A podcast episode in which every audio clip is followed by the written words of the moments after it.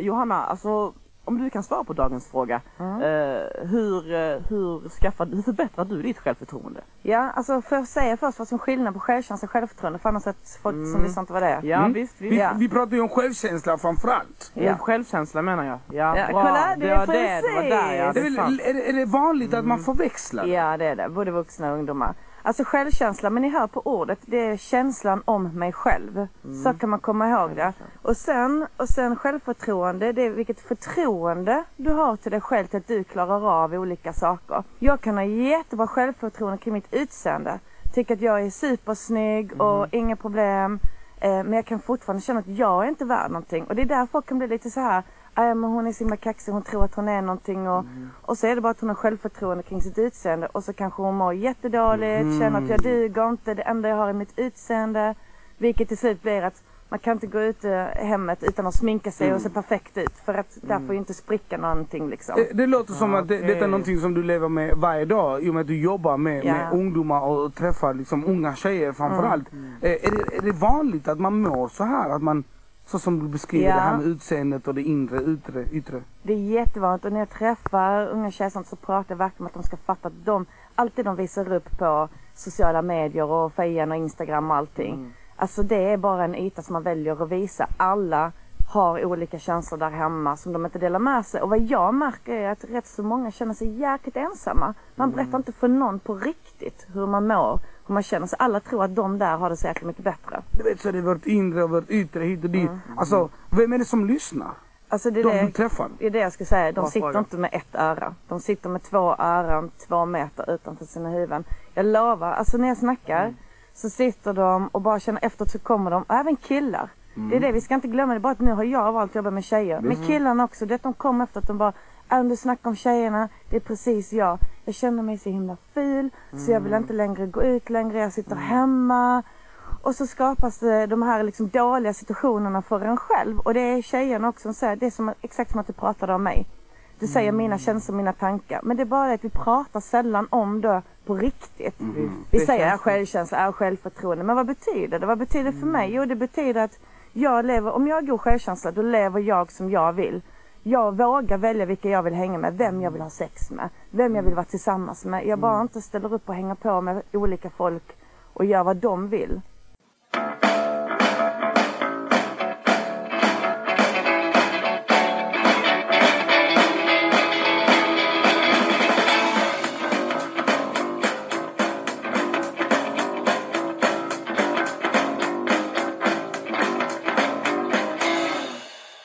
Ja, du lyssnar på coachpoddens nionde avsnitt och Rasmus, eh, får du välja vem du ska ha sex med? Ja, men det, det hoppas jag att jag får. Men eh, jag, jag har ju redan valt en, eh, en speciell här i livet. Så att... Var det utifrån din självkänsla då så att du kunde välja vilken? Nej, jag har självförtroende inom det området så att... Ja, ja, du har upplevd kompetens. jag har väl en bra självkänsla överhuvudtaget hoppas jag. Eller som Hasmen och Hasmen säger, upplevd kompetens och skicklighet.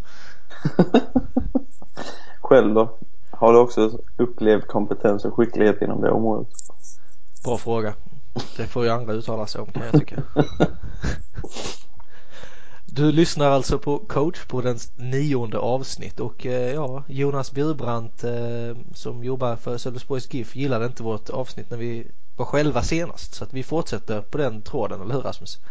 Ja, vi får väl utmana honom lite och se om vi kan bli lite mer, mindre flummiga men vilket område vi är inne på avgör nog säkert det och om vi nu säger så här om flummiga områden så är väl idrottspsykologi det som är det mest flummiga.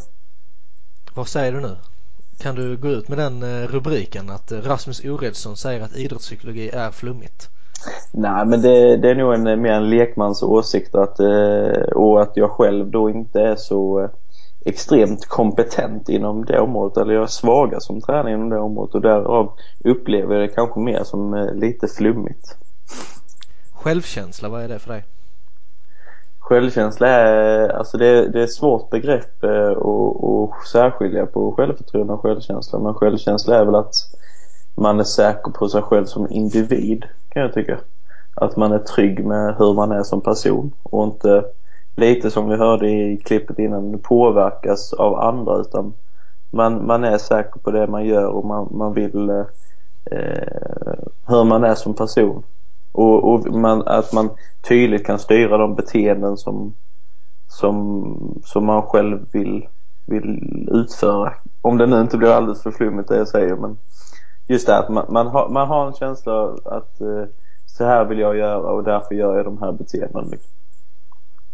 Eh, Medan självförtroende är mer att jag är säker på att det här är bra för min prestation om vi nu kopplar ut utifrån fotboll att eh, de här, eh, jag är säker på att göra mål för jag vet om att jag har gjort det så många gånger innan till exempel. Vad är självkänsla för dig? Här? Ja men eh, konkret skulle man kunna säga att eh, jag vågar räcka upp handen i klassen. Mm. Eller jag vågar eh, svara när tränaren ställer en fråga på en träning. Jag är trygg i mig själv. Jag, eh, jag klarar av att ha eh, fel eller rätt. Eh, jag vågar liksom. Och där liksom den tryggheten i dig själv. Själv och känsla. Alltså känslan om dig själv. Var det inte så de sa i inledningen här? Ja, det var det nog. Så att där, om man ska bli konkret så eh, den som har bra självkänsla kanske är den som vågar räcka upp handen eh, och svara på, ett, eh, på en fråga till exempel. Eh, eller att man vågar ha en egen åsikt och att man berättar det också. Men jag tänker när man räcker upp handen, är det inte att man har ett bra självförtroende? Det är just det att man vågar. Att, att du känner dig kompetent inom historieämnet i skolan. Jo men det kan ju vara så att eh, alla har fått en genomgång och sen så eh, gör eh, läraren en, ställer en kontrollfråga. Vilket år, eh, ska jag briljera nu, vilket år ska vi se, Columbus var det när han kom till USA? Ska vi se hur bra självkänsla du har. Kan du vilket år det är? Kan det varit 1492? Ja, det är någonting som ringer i mitt i min hjärnbark. Men vi säger då att läraren har har sagt det till klassen under lektionen och sen så ställer man bara en kontrollfråga. Hur, mm. Då borde egentligen alla, om man inte har sovit, veta om att ja, årtalet är 1492. Det var då Columbus kom till USA. Mm. Eller fann eh, Amerika. Eh, och då borde egentligen, kan jag tycka, alla räcka upp handen. Mm. Men om man då inte har tillräckligt bra känsla för dig själv, att du inte är trygg i dig själv, då kanske du inte vill räcka upp handen. För att du, skulle syn. kunna få svaret. Mm. Även om du kan det. Ja, exakt. Mm. Blev det tydligt? Ja, men det, det, det, är lite detta jag menar på att eh, särskilja självkänsla och självförtroende för min del är väldigt eh, svårt. Alltså jag känner inte mig, som du säger, jag har inte en bra självkänsla inom detta området också. Att jag känner inte att jag har helt hundra grepp på begreppen och därför eh, anser jag det vara flummigt. Men det finns ju säkerligen eh, psykologer som ser detta som ganska självklart. Att självkänsla är detta och självförtroende är detta. Vi pratade med Mikael Jönsson eh, förra veckan och vi pratade om kollektivt självförtroende. Vad tog du med dig från det avsnittet? Det är ju intressant att att kollektiv självförtroende finns. Alltså att man, eh, man som grupp eh, du har hittat det nu eller vad menar du? nej, nej men eh, just det här att man kan diskutera det här, att man kan se tydliga ramar att eh, laget presterar bättre eller sämre utifrån vissa eh, händelser, ett visst händelseförlopp. Eh, sen så tycker jag att vi hade kunnat under det avsnittet gå in mycket mer djupare än vad vi gjorde för att reda ut varför. Inte mer, alltså Mikael har skrivit en uppsats om det och kommit fram till att eh, ja, om man hade förlorat tio matcher så var det kollektiva självförtroende lågt. Men vad var det från de förlorande matcherna som gjorde att man presterade dåligt? Var det bara att man mådde tänkte att ja, men jag kan inte göra mål eller vi, jag kan inte slå en hörna etc. Eller finns det något mer djupare i det än att bara säga att ja, men det är kollektiva självförtroende som är dåligt. Jag tyckte det var jäkligt spännande att det var så relaterat till resultatet. Mm. Att äh, Gävle IF säger nu tänkte jag på.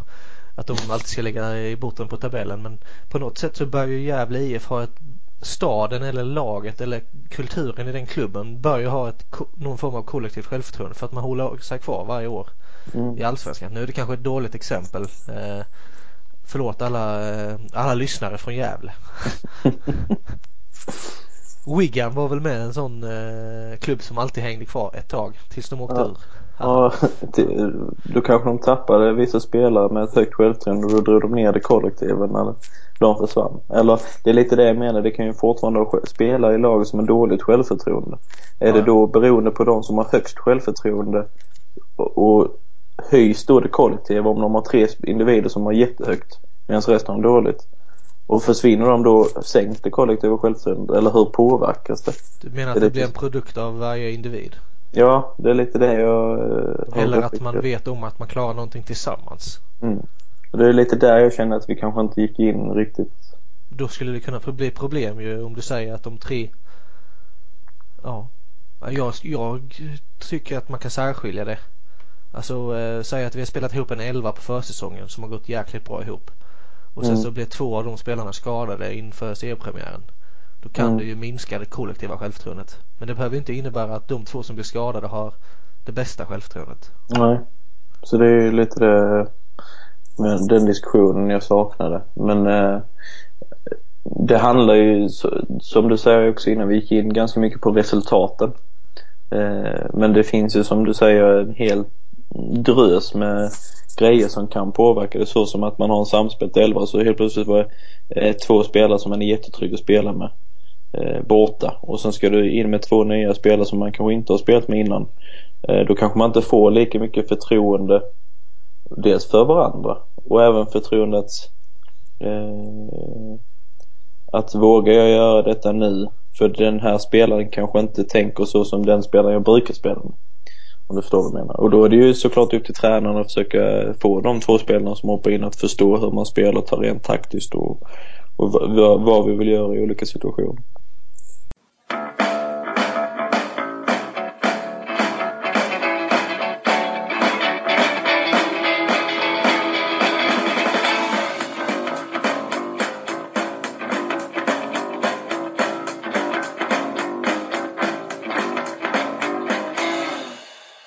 Du lyssnar på coachpoddens nionde avsnitt och vi eh, arbetar efter en skör röd tråd idag kan man ju säga.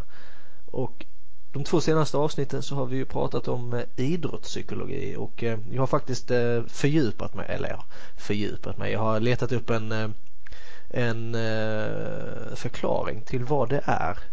Och det hittar jag i boken Idrottspsykologi, konstigt nog. Eh, skriven av Peter Nathalie Hasmen och Johan Plate. Det är ju, eh, Plate är väl en av de förgrundsfigurerna om jag är, är lite insatt kanske. Men han menar i alla fall att eh, människors upplevelse, känslor, beteende och tankar eh, är idrottspsykologi. Alltså i relation eller i samband med idrott då. Och det, det är väl, kan det vara det vi har pratat om eh, de två senaste avsnitten Rasmus? Absolut. Mikael var ju inne på det också när han ville ge sin definition om det inte ens var till och med på orden exakt likadant. Eh, och det tycker jag väl. Eh, när vi pratade med Johan Falby så var det ju mycket, mycket mer beteenden kanske. Men att hur man styr sina känslor också under en fotbollsmatch till exempel. Eh, att man eh, nu har vi inte gått ner så djupt i det men jag har lyssnat på Daniel Ekvall också eh, nu kommer det igen här men när jag har gått nu i Halmstad. Aha, um, du går i Halmstad alltså? För er som inte vet det. Ja. Um, så, nej, där pratar vi också hur man, uh, hur man inte låter känslorna ta, ta överhanden. Till exempel om man ligger uh, under med 1-0 så ska man fortfarande lita på uh, sitt spel eller hur man spelar etc. etc. och inte låta känslorna att man blir frustrerad över att ligga under ta över. Eh, det tycker jag är en grymt intressant grej som, som man inte har plockat in så mycket under podden än så länge. Eh, men under fall vi pratar vi mycket med beteenden såklart. Eh, hur man ska agera och titta på prestation och liknande. Så att, ja, vi har pratat lite om det. men jag skulle vilja ha fler gäster som kan, man kan gå ännu djupare i det för jag tycker det är ett grymt intressant ämne. Vi har ju egentligen varit inne på det under talangavsnitten också ju. Där vi egentligen hamnade i, eh, diskussion om beteende och karaktär väldigt mycket. Mm, absolut. Um, och som tidigare gäster har sagt också så tror jag att vi måste bli ännu tydligare med vad vi jobbar, i alla fall i, i de mindre föreningarna. Um, eller inte de så kallade breddföreningarna. Hur man eh, kan hjälpa spelarna och ge dem redskap att klara av det mentala för och vad fick vi för tips eh, vad, hur vi skulle kunna jobba med det konkret?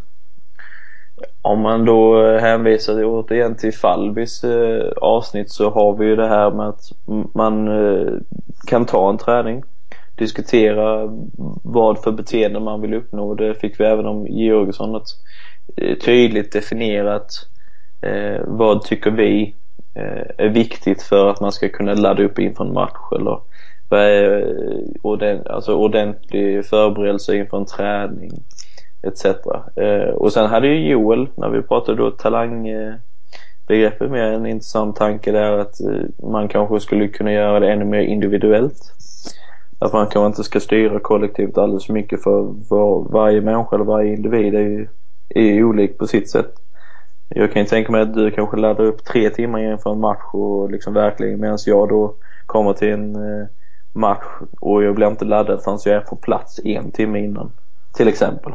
Eh, och då ska man då sätta en regel att ja men x antal timmar innan så ska du börja ladda upp med att göra det här, det här, det här. Så kanske jag blir otrygg i det och, och känner att jag blir störd istället för att kunna bli optimalt laddad som på mitt sätt. Ja, alltså, men vi, ja, vi återkommer ju mycket i att, att träna idrottspsykologi är att prata med varandra. Mm. Stämmer det? Ja, det kan jag väl eh, hålla med om. Men om jag ställer frågan, hur, hur skulle vi kunna arbeta på, på, om vi säger på fotbollsplan utan att prata med varandra? Kan man, kan man träna psykologi utan att liksom eh, prata med varandra så att säga? Om du är på plan, hur, hur jobbar du med idrottspsykologin där då? Jag vet inte. ja, det är ett komplext område. Vi var väl inne och nosade lite på det med, med, när vi pratade med Mikael Jönsson. Vi snackade om forward. Ja. Det är ju lite för Hejen eh, kopplingen där ju i, eh, i hans bok så skriver han ju om eh, egentligen så är det ju alltså fotbollsteorin att vi utgår från att prata fotboll och inte psykologi kan man ju säga. Vi vill inte ha en psykolog som pratar om vår forward, att han har dåligt självförtroende i, en, i ett friläge utan vi vill ju, vi, vill ha en fotbollstränare som eh, istället ska prata om att han ska skjuta i mål istället för utanför mål. Mm. Vi var ju, vi, som sagt så var vi ju inne på det med Micke med men ja. Och där blir det ju tycker jag praktiskt eh, träningsmässigt. Mm. Eh, att, att du låter den här forwarden som har problem med att skjuta bollen i mål träna på det. Att skjuta. Att se nät och skjuta i nät.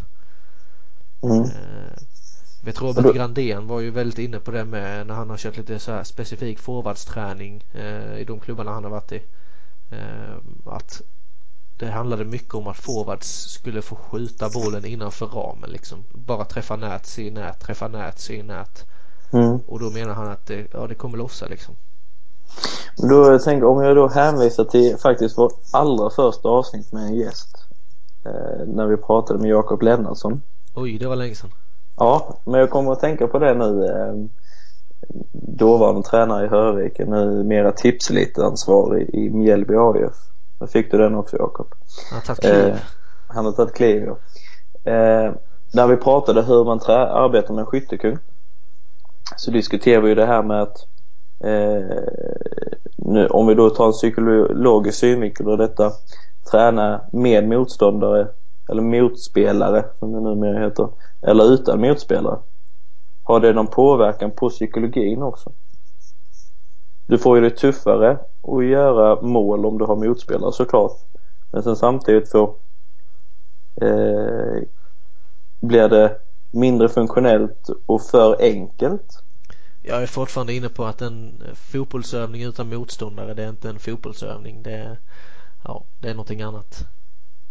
Du är, oh, strong statement. Ja, men det, det, för jag tycker det är intressant. För att man ser ju ofta det liksom att ja men nu, nu kör vi en eh, eh, nu ska forwards få testa avslut eller träna avslut och så sätter vi upp en övning där man inte har någon motståndare. En jättefin inläggsövning och bla bla bla. Men eh, liksom det blir ju aldrig tillräckligt matchlikt. Eh, och då tror jag psykologin också blir eh, felvriden för att man, man vänjer sig vid att inte ha motståndare. Och då är det en psykologisk träning också. Att om, och då kommer man in på spelförståelsen som psykologin knyter ihop med allt det andra men eh... Men jag tror ju på en progression. Alltså jag tror inte att man alltid ska göra samma sak. Jag menar ju inte att man inte ska göra en övning eh, som inte kan alltså som kan innehålla eller som inte kan innehålla motståndare. Eh, men jag tänker att man kan göra det de första gångerna man kör en viss typ, säg att vi tränar inlägg då. De första mm. två träningarna när man sätter en ny övning då kanske man gör det utan motståndare. Mm. Bara för att få spelarna att förstå mönster till exempel, om du nu har mönster. Eller att du vill ge spelarna möjligheten att få ta avslut. Eh, för att, ja, säg att det är de första, första två grästräningarna. Man ska känna på underlaget. Målvakten mm. ska få, eh, få lite att jobba med liksom. Eh, men sen så tror jag tror jag på en systematisk, om vi ska använda ett fint ord, progression i egentligen alla övningar du gör. Alltså börjar du utan motståndare i den här inläggsövningen så tycker jag att man efterhand eller ganska eh, omgående bör lägga in en eller två försvarare. För, mm. för att också målvakten ska få någon att samarbeta med eh, så att man kan täcka skott eh, eller täcka yta mm. i mål. Samtidigt som forwards får eh, dels troligtvis höja tempo så det blir mer matchlikt som du var ute efter. Mm. Men också för att det är så det händer ju i match. Eh, samarbetet med medspelare med då, alltså skulle du ha en, säg att vi spelar eh, med två forwards så skulle du kunna ha två eller en innermittfältare som startar övningen till en av de två forwardsen så ska de ta sig förbi och få avslut. Mm. Då skulle man bara kunna ha en motståndare men då får du ju en helt annan eh, intensitet i den övningen om du lägger in motståndare. Vilket gör mm. det mer matchlikt och höjer du tempot ja då kanske du triggar någon form av eh, utveckling på ett annat sätt. För att har du inte motståndare så upplever jag många gånger att spelare de ligger liksom knappt i sin trygghetszon. De går liksom knappt in i den trygghetszonen. Ja, det vi vill är att de ska gå ut ovanför trygghetszonen så att de triggar sin utveckling. Mm. Så där var väl mina tankar kring progressionen. Så att jag, jag säger inte att vi inte ska träna övningar utan motståndare men jag säger att vi ska inte fastna i dem. Nej, exakt.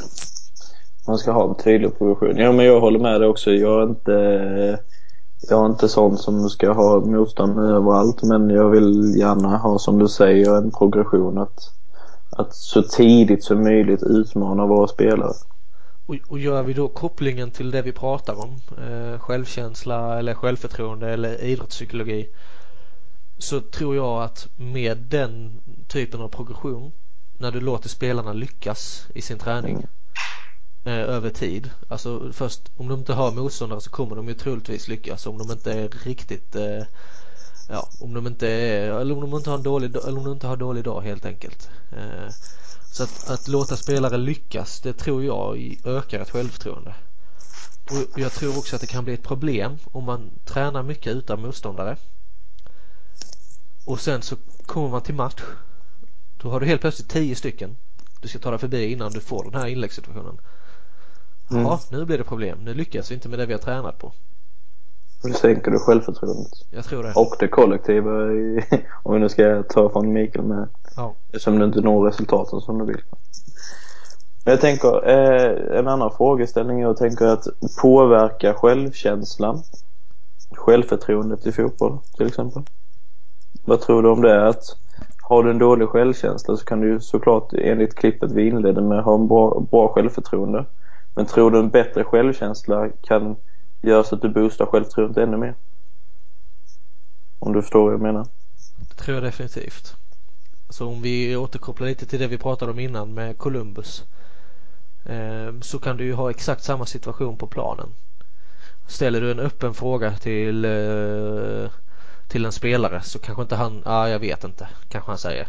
Mm. Men där är ju självkänslan spelar ju stor roll och självförtroendet att att man vågar ha en reflektion över eh, beteendet om vi ska använda en idrottspsykologisk term. Men hur, hur kan man då jobba i den här fotbollen för att inte bara öka självförtroendet utan även självkänslan? Hur, hur, har, du, har du några tips eller någon tanke hur, vilka redskap eller verktyg du kan använda för att öka självkänslan? Jag skulle vilja, jag, jag, jag skulle säga att vi, jag har pratat med Bäckström, Joel, eh, en del sen vi gjorde vårt poddavsnitt och, och då pratar vi mycket om tränarbeteende som mm. kan utveckla spelare. Framförallt då ett spelförståelse eller speluppfattning. Jag vet inte, spelförståelse är väl det officiella begreppet nu. Ja, det. Att Alltså vilket beteende hos tränare utvecklar spelares spelförståelse? Och då har jag läst hans eh, kandidatuppsats med nu. Mm. Och då insåg jag själv att jag ofta ställde öppna frågor till gruppen på träning. Och då var det ofta en eller två spelare som alltid svarade. Men det jag provade då efter att jag hade pratat med Joel var att jag, jag ställde upp en fråga men jag gav frågan till olika individer. Mm.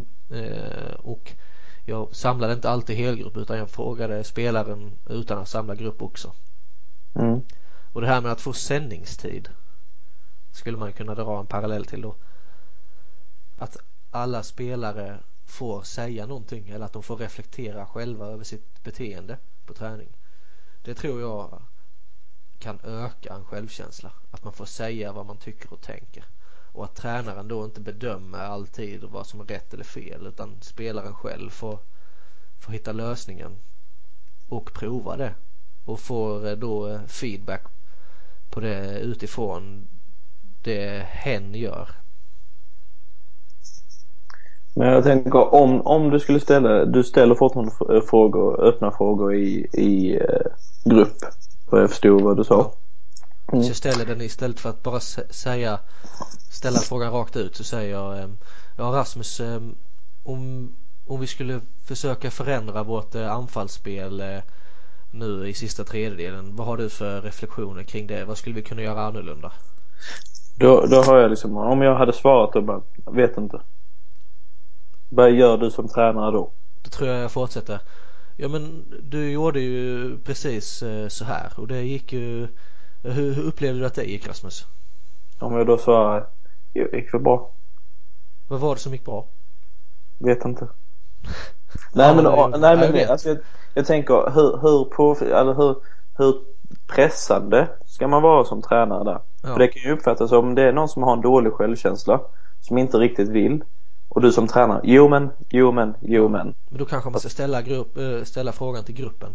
Ja, det är lite det jag menar. Men alltså, alltså, att man har den här känslan att ja, men jag kanske, den här personen kanske har en dålig dag och har dålig självkänsla just idag för att det har hänt något speciellt.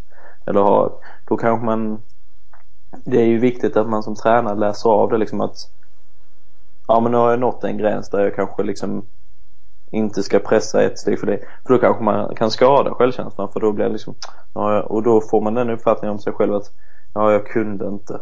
Typ. Eller att jag vågade inte säga det jag tyckte. Hänger med vad jag menar? Man lär ju sig spelarna och det är ju jätteviktigt också. Jag förstår vad du menar och såklart man ska försöka hitta verktyg för att den spelaren faktiskt ska ta självkänslan och svara. Men... Då kanske man, eh, den spelaren du nämner nu, eh, kanske man ska plocka ensam.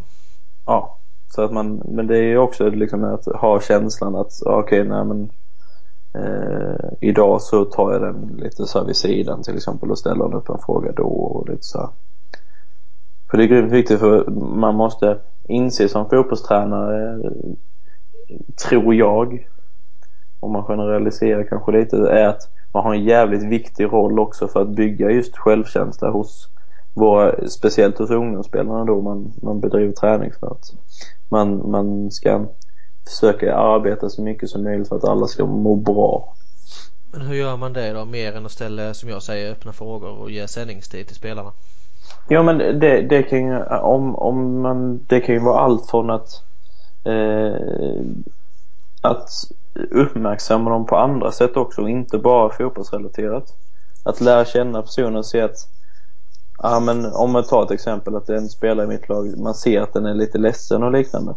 Du kan göra två, två val. Att du som tränare skiter i det och bara känner ja men jag ska låta det vara. Eller så kan du som tränare gå fram och fråga hur är det? Och jag tror att oavsett vilken person det är så tror jag de får bättre självkänsla att folk bryr sig om en om man går fram och ställer frågan. Um, där har du ju ett redskap som, som jag tror att man ska visa att man bryr sig om personen och inte bara fotbollsspelaren. Hänger du med på vad jag menar? Ja. Och det kan ju vara allt från att när de kommer till träningen så är det tjäna genom en high five eller skoja lite med dem och eh, ja, tetas, vad som helst liksom. Eh, för att bygga upp självkänslan, att de är viktiga i, i, i det sammanhanget de finns i. Var det svar på din fråga? Jag vet inte. Jag, eh, alltså jag, ja, alltså lär du känna spelaren genom att köra en high five, five där fastnade jag. Eh, genom att tetas lite. Alltså, ja, som Nej. huvudtränare eller som tränare, hur mycket träffar du dina spelare? Eh, alltså Nej, alltså, skulle kunna vara viktigt känna, egentligen? Ja, men jag, jag tänker så. Eh, hur, eh, säg att du kommer till ett nytt lag, hur ska du veta eh, att en spelare haft en dålig dag? Nej men det är ju, det är ju såklart, men du, du måste ju kunna... Jag, jag tror ju på den att man, man som tränare måste ha en djupare relation än att bara vara tränare, säga hej och sen säga hej då på, på liksom efter en och en halv timme. Men det kan vara att jag är så som person också, att jag är en väldigt eh, öppen person som verkligen gillar att, att ha med människor att göra och verkligen lära känna. Och med lära känna menar ju inte att du ska hänga med dem varje helg och liksom eh, spela tv-spel och allt det där. Men att man ändå ska kunna, de spelarna ska känna sig trygga att kunna prata med mig om vad som helst om de behöver eh, det. är lite det jag menar med lära känna. Ja, Gäller det alla tränare i en stab? Eller vilken, beroende på ålder eller hur, vad har du för reflektioner där? Ja, det är en intressant tanke för nu, nu har jag ju sysslat med visserligen damseniorer men den övergripande eh, snittåldern där är ju inte så hög. Och jag tror att, eh, om jag generaliserar, men att människor i den åldern, låt oss säga allt från 15 till 20, 21. Eh, behöver inte alla det egentligen. Ja, nu går jag ett steg före dig. Men alla behöver väl eh, Ja, absolut. Prata. Eh, men, men jag sa att om jag generaliserar så tror jag att det är en känslig ålder just eh, senare ton, eller tonåren och senare tonåren speciellt. Vad tycker tränaren? Kommer jag få starta i helgen? Varför får jag inte starta i helgen? Det är jättebra träning. Och där kommer ju nästa. Eh, hur mycket tid har man som tränare att prata med spelarna när de frågorna kommer upp i huvudet? Det är ju det som är det stora pusslet med som tränare att du, du ska göra saker som inte ens en heltidsanställd hinner med att göra. Och då gäller det till nästa steg bygga en stab som, eh, som klarar av att kombinera i olika delar. Hur, hur, stor resurs, hur stora resurser har en förening som Lörby till exempel som inte eh, är så jättestor. Hur många resurser har de för att kunna liksom få ihop en stab som klarar av alla delarna? Ja, de klarar kanske inte av det heller och då gäller det att prioritera. Och vad ska man prioritera? Så det, det finns ju jättemycket problematik med det här med. Det får man inte glömma.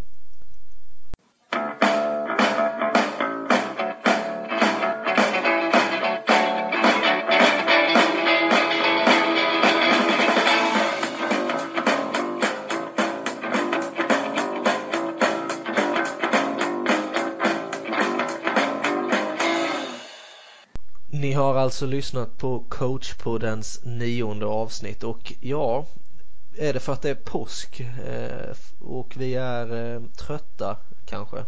Jag vet inte. Men eh, avsnittet har ju blivit ja, något flummigt och vi, vi, vi sa ju att vi skulle inte flumma men ja, vi ber om ursäkt för det i så fall. Vi eh, kör ju som vi brukar med gästerna de fem ännu snabbare och eh, Rasmus han eh, sitter här nu och får huvudbry över vilka det var. Så att vi eh, vi får, du får prata vidare och flumma lite om du vill. Ja, jag ska fortsätta flumma. Ja. Det får du göra. Vänta, jag har kanske de här någonstans. Nej. Jag har bara fyra. Vi får hitta på en ny snabbt. Pest eller kul.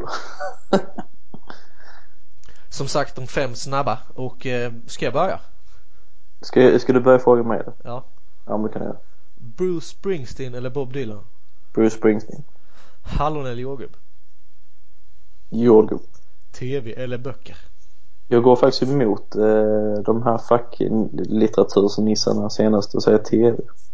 Morgonmänniska eller nattmänniska? Jag skulle nog säga både och, men jag är nog en morgonmänniska nu eh, för tillfället i alla fall. Ishockey eller handboll? Handboll faktiskt. Okej. Okay. Nu kör på samma på den, har du fått hinna tänka visserligen. Bruce Springsteen eller Bob Dylan? Jag ska väl säga att jag inte lyssnar på någon av dem, så jag får säga väl Bruce Springsteen. Ja, det är bra. Hallon eller jordgubb? Jordgubb. TV eller böcker? Böcker.